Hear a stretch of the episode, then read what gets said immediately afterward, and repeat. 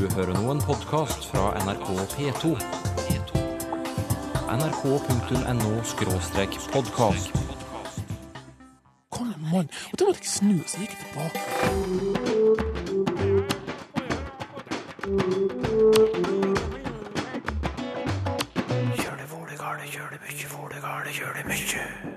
Mange stedsnavn her i landet er knyttet til påsken.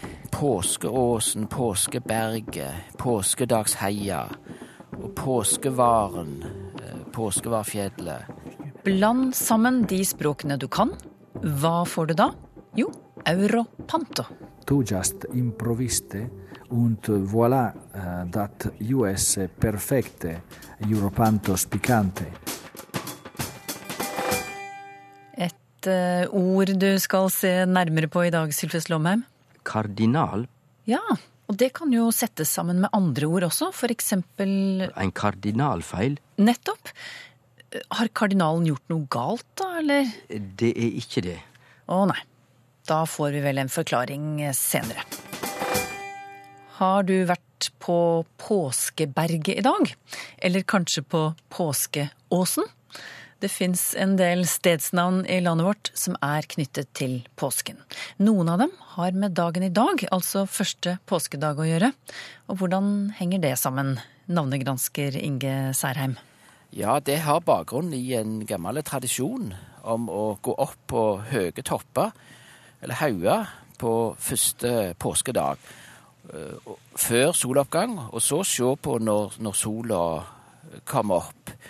For da blir det fortalt at sola dansa, vil si hun, hun gjorde noen kast, eller noen hopp, glade hopp. Så, så dette er en tradisjon eh, faktisk talt i hele landet, ser det ut for. Og òg i en del andre europeiske land. Ja. Og, og hvordan finner vi det, denne tradisjonen igjen i en del navn? Ja, det er sånne navn som Påskeåsen, Påskeberget, Påskedagsheia og Påskevaren, eh, Påskevarfjellet. Og for Jæren kjenner jeg navn som Påskhus eller Påskhus flere plasser. Har antagelig samme, samme bakgrunnen. Tror du, Er dette navn vi kan finne over hele landet? Ja, der finnes denne type navn eh, over hele landet, ser det ut for. Det er gode, gode spredning. Og ellers så, så ser en òg i noen navn at det er ikke det er ikke alltid det ordet påske som ligger føre, men eh, et navn fra Øksendal i Sirdal, Solknuten, det er òg en plass der folk gikk opp påskemorgen for å se sola danse. Ja. Det var påskemorgen, det. Ja, Men hvis vi går et par dager bakover på kalenderen, til langfredag Den dagen har også gitt navn til ulike steder. På hvilken måte?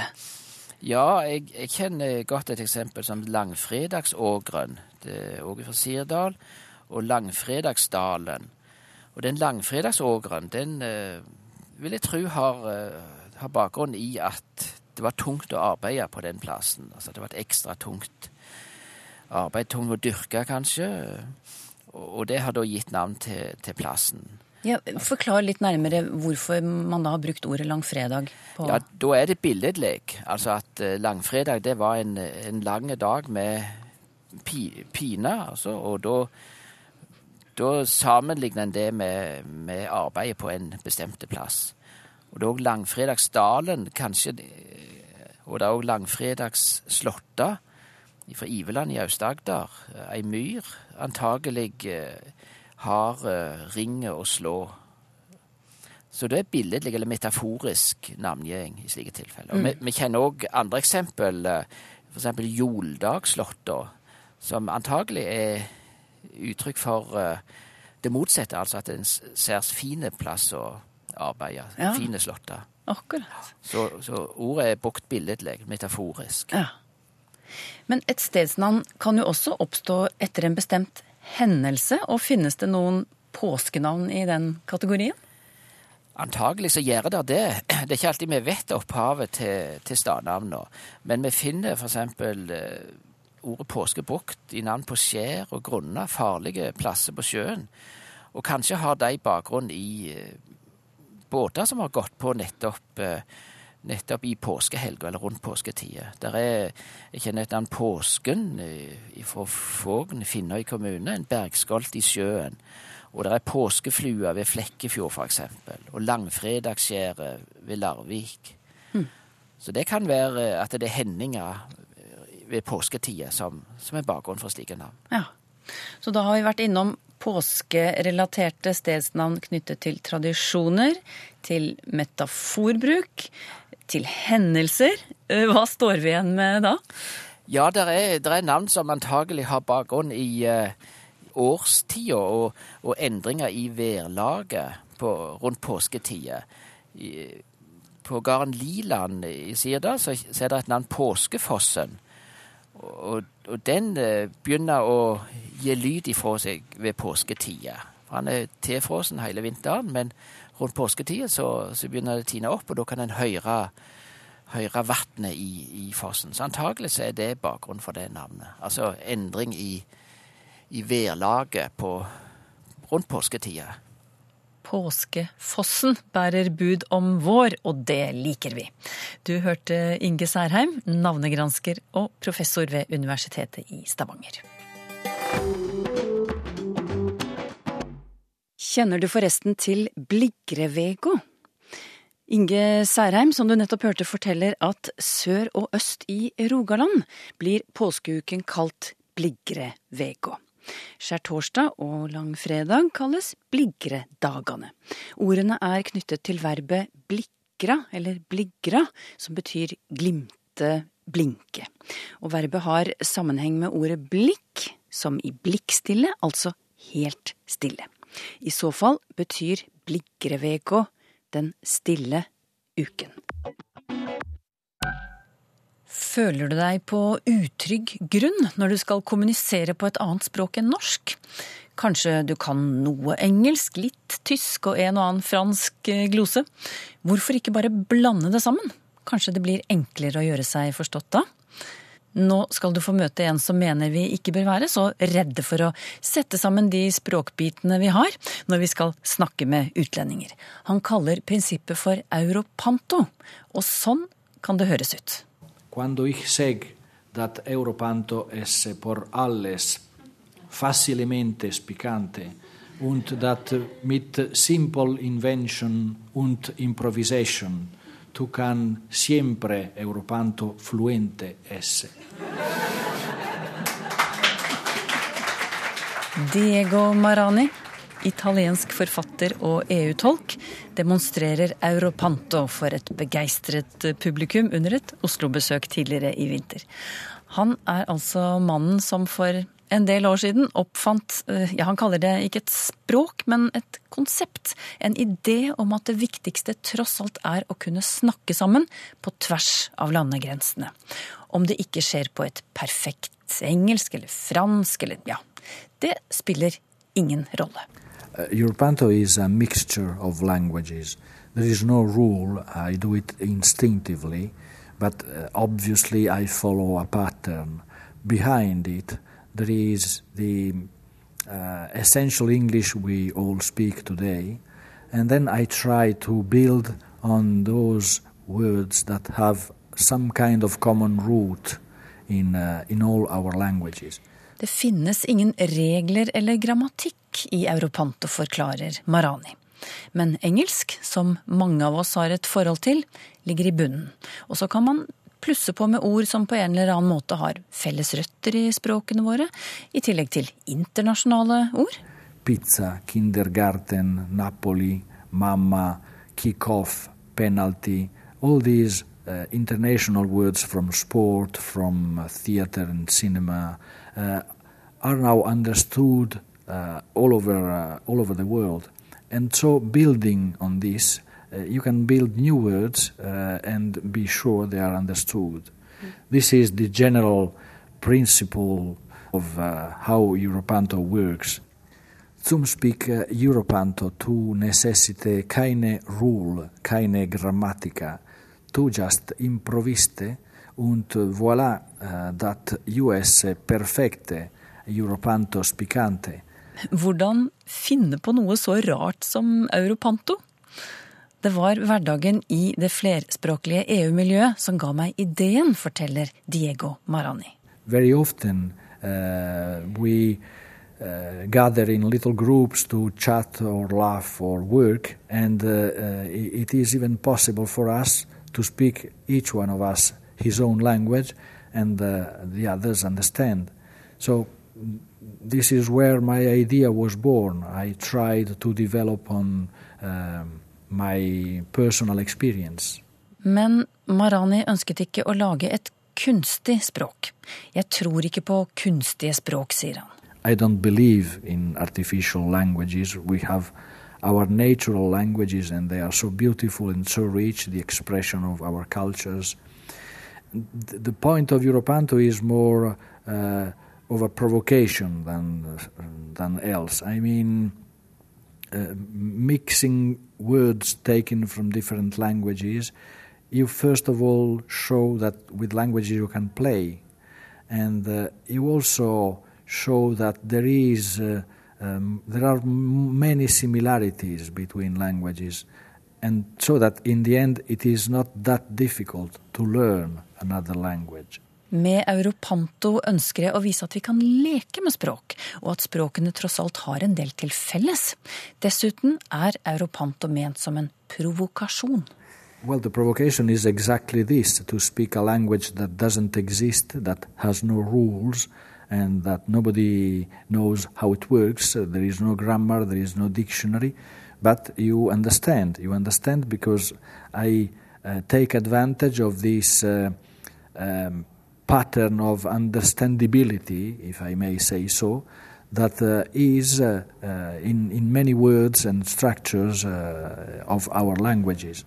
Provokasjonen ligger i at vi kan snakke sammen uten regler, uten grammatikk, uten ordbok, sier Marani. Ikke glem at de fleste språkene i Europa har det samme indoeuropeiske opphavet. Dessuten viser forskning at språket ligger i genene våre. Vi har et felles instinkt for språk. We, might speak different languages, but language in itself, as a human phenomenon, is uh, uh, just one single thing. We have um, in our genes the instinct for grammar, for language. So why not think this instead of uh, just see the differences among languages? Diego Marani peker på at engelsk har blitt et viktig internasjonalt språk. I couldn't be speaking with you today without English because you don't speak Italian and I don't speak Norwegian.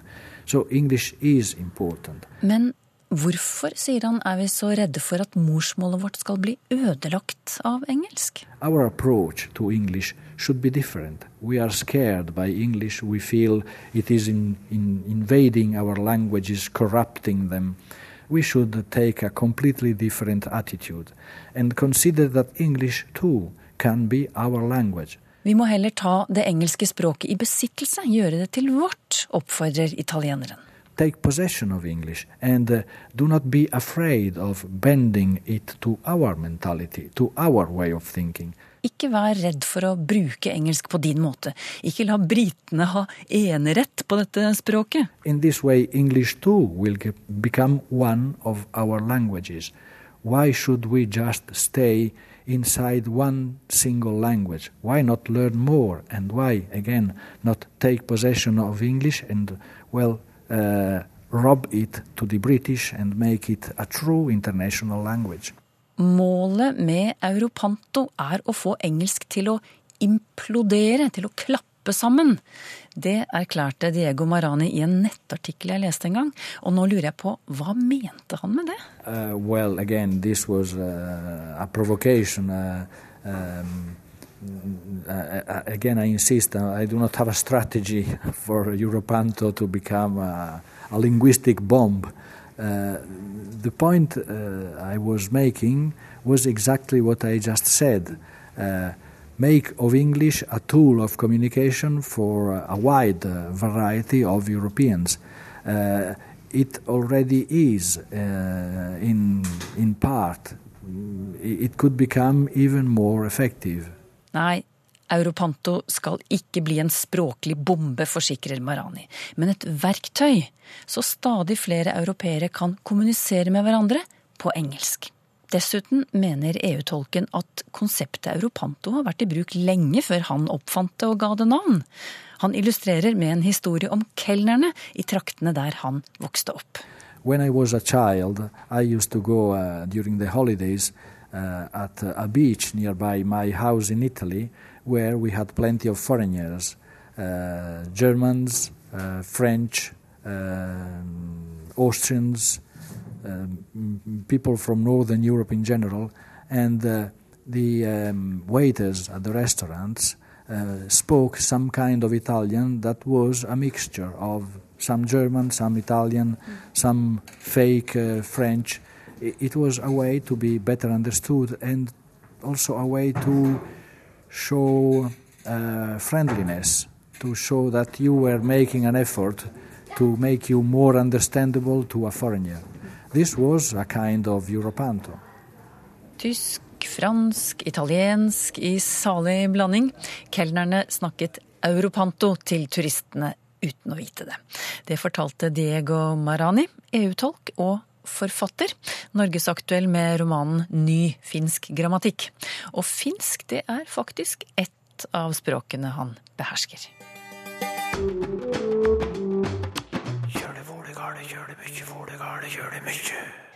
Det er påske, Sylfes Lomheim. Ja, det er påskedag i dag. Det er godt. Godt med påskefri. Men eh, du, vår lytter Per Velde, han vil at vi skal snakke om akkurat dette ordet påske. Han skriver hvordan kan det ha seg at vi i Skandinavia bruker en kristen betegnelse, nemlig påske, mens i England og i Tyskland har de beholdt navnet på sin gamle førkristne vårfest. Altså de sier Easter og Ostern. Hvordan har dette seg? Nei, det siste, den siste delen av spørsmålet, hvorfor eh, tyskerne, altså de tysktalende og de engelsktalende, har holdt på de gamle heidenske orda, sjøl om de gikk over til kristendommen, det er ikke jeg så sikker på om det fins gode forklaringer på. Det fins sikkert hypoteser, men det som vi iallfall kan slå fast som et faktum, er at i Tyskland og i England så heldt de på de heidenske orda, sjøl om de eh, gikk over til kristendommen og feira da den kristne påskehøgtida. Medan vi i eh, Norden, vi gikk over til ikke bare å feire den nye kristne vårhøgtida, men også å ta i bruk ordet påske. Det er grunn det vi kan slå fast. Og når det gjelder hva ordet påske betyr, så må vi tilbake til ikke gresk, men hebraisk. Fordi vi må være veldig nøye på å huske at eh, påske som ord og religiøs feiring, det skriver seg ikke fra krossfestinga til Jesus på krossen. Han vart krossfesta under den jødiske påskefeiringa for 2000 år siden, men den jødiske påskefeiringa den hadde de holdt på med i over 1000 år før det igjen, fordi at påske, både ordet og markeringa, går tilbake til over 3000 år i tid, før Kristi fødsel, 1200 før Kristi fødsel, da israelsfolket rømde heim igjen fra Egypt og til Israel, til det lova landet. Det skjedde rundt 1200 før Kristi fødsel. Og eh, Gamle testamentet forteller at eh, da de skulle dra av gårde for at ikke Herrens ubarmhjertige engler skulle slå ned på de israelske familiene, han skulle spare dem, men ellers drepe, så skulle de måle blod. De skulle måle dørstokkene sine røde, de skulle ha rødt blod på dørstokkene sine fra påskelammet som de hadde slakta. Og da var det tegn til Herrens drapsengel at han skulle gå forbi disse dørene og spare de som var der inne. Og derfor det hebraiske ordet påske, som er da pesach, det betyr rett og slett gå forbi. Ja, og så kan vi jo legge til, Sylfest, at det tyske Ostern og det engelske Easter har med himmelretningen øst å gjøre. Den gamle hedenske feiringen av at solen begynte å komme høyere på østhimmelen rundt disse tider. Det var eh, påske, det. Og så et spørsmål fra en eh, nyhetsjournalist i TV 2, som vil at du skal eh, forklare ordet kardinal, Sylfest. Det har jo vært aktuelt i forbindelse med pavevalget. Kardinal og kardinalfeil. Hvordan vil du eh, forklare det? Ja, det var det TV 2-journalisten lurte på, om disse kardinalene både synder og feiler, og derfor snakker vi om kardinalfeil osv. Men det er ikke det. Det samme ordet, altså kardinalene i den katolske kyrkja, er jo de aller høgststående under paven. Og Derfor er det jo òg samlinger av kardinaler som vel paven når det skal velges en ny pave. Men sjølve ordet kardinal på latin eh, tyder egentlig viktig eller heilt grunnleggjande. Det er det som er meininga til ordet. Og difor ein kardinalfeil betyr rett og slett ein heilt grunnleggjande feil. Kardinalsynd er da ei grunnleggjande synd. Og det er det som da er sambandet til òg eh, de høge menn i den katolske kyrkja. De er grunnleggjande, de er viktige personer. En lytter som kaller seg Lote, spør om ordet stavre, som i stavre seg oppover eller stavre seg bortover gulvet. Har det sammenheng med det gamle ordet starva, som betyr å arbeide eller slite, spør Lote. Ja, og det Det er et godt spørsmål, fordi jeg er nei, men ikke sikker på om ikke det er et poeng som Lote har. Men la oss nå først si hva ordbøkene sier. Når det gjelder å stavre seg bortover gulvet, så står det i ordbøkene at stavra det er som å gå som en stav, eller altså veldig stift. Du, du stavrer det bortover. Men hvis vi òg slår opp i det ordet som Lote er inne på, og som ligner veldig starva, det betyr ikke bare å slite og arbeide på gammelnorsk, men det kan også bety å starve, altså å gå seint og møsamt bortover gulvet. Eh, og derfor så er jeg tilbøyelig til å mene at det er ikke heilt, heilt sikkert at ikke det kan være noe samband mellom stavra og starva. Det er jo bare snakk om omkasting av lydene der, og at de, den bruken av starva, stavra, kan være i slekt. Men jeg streker under, det sier ikke ordbøkene at det er, altså. Men jeg vil nok holde det åpent. Fridtjof Meti skriver ved avstemming i f.eks. Kongressen i USA sier ordstyrer yay og nei om resultatet i stedet for yes og no. Hva er bakgrunnen for det? Bakgrunnen er at uh, dette er veldig gamle ord. Jeg ville si ei og Eller ei og nei. Uh, det er det som er ført opp i ordbøkene, ikke jeg. Men uh, iallfall så er det disse orda det er snakk om. Ei og nei. Og dette er ord som går tilbake til den første forsamlinga av utsendinger som de hadde i Amerika, altså i USA, før de ble frie kolonier. De hadde ei, ei slags samling av koloniene, og opprøret mot herremakta England begynte jo ved at de 13 koloniene liksom gjorde opprør. Og de hadde ei forsamling, og når de voterte i den tidlige forsamlinga i koloniene, så var svara nei og ei. Ja og nei. Og egentlig er dette samme orda som ja og nei i norsk, og viser da igjen korleis gammalt engelsk språk og skandinavisk har felles opphav. Og grunnen til at de brukte disse orda i de første koloniene i, i Amerika, i USA, var jo rett og slett at hovedspråket eh, hos de som hadde kommet dit, var engelsk, og dette, denne ordbruken hadde de tatt med seg fra England til USA, rett og slett. Men du sier disse ja og nei og jeg og nei, alt dette ligner. Men så har du da for ja i dag, sier jo engelskmennene yes. Og Ja. der er det en S som på en måte ikke Ja. er så lett å kjenne igjen. Hvor kommer den fra? Nei, det er eh, Da må vi dele ordet. Historisk sett så må vi dele det i to. Je, som jo er je, og jeg og ei. Altså ja. Og så har vi en S, og det er resten av et ord som sto i tillegg. S-i-e, sje. Og det er en slags ønskjende konjunktiv, eller altså et ønske. Måtte det være, og så ja. Så jasi. Altså måtte det, ja måtte det være. Altså et ønskjende ord som ligger til grunn for denne S-en, som nå er det vanlige ordet for ja i engelsk. Yes. Hans Georg Skåtun, slik tror jeg etternavnet hans eh, uttales, har lenge fundert på forstavelsen ur, f.eks. For som i urnorsk. Hva er bakgrunnen for denne forstavelsen, vil han gjerne vite.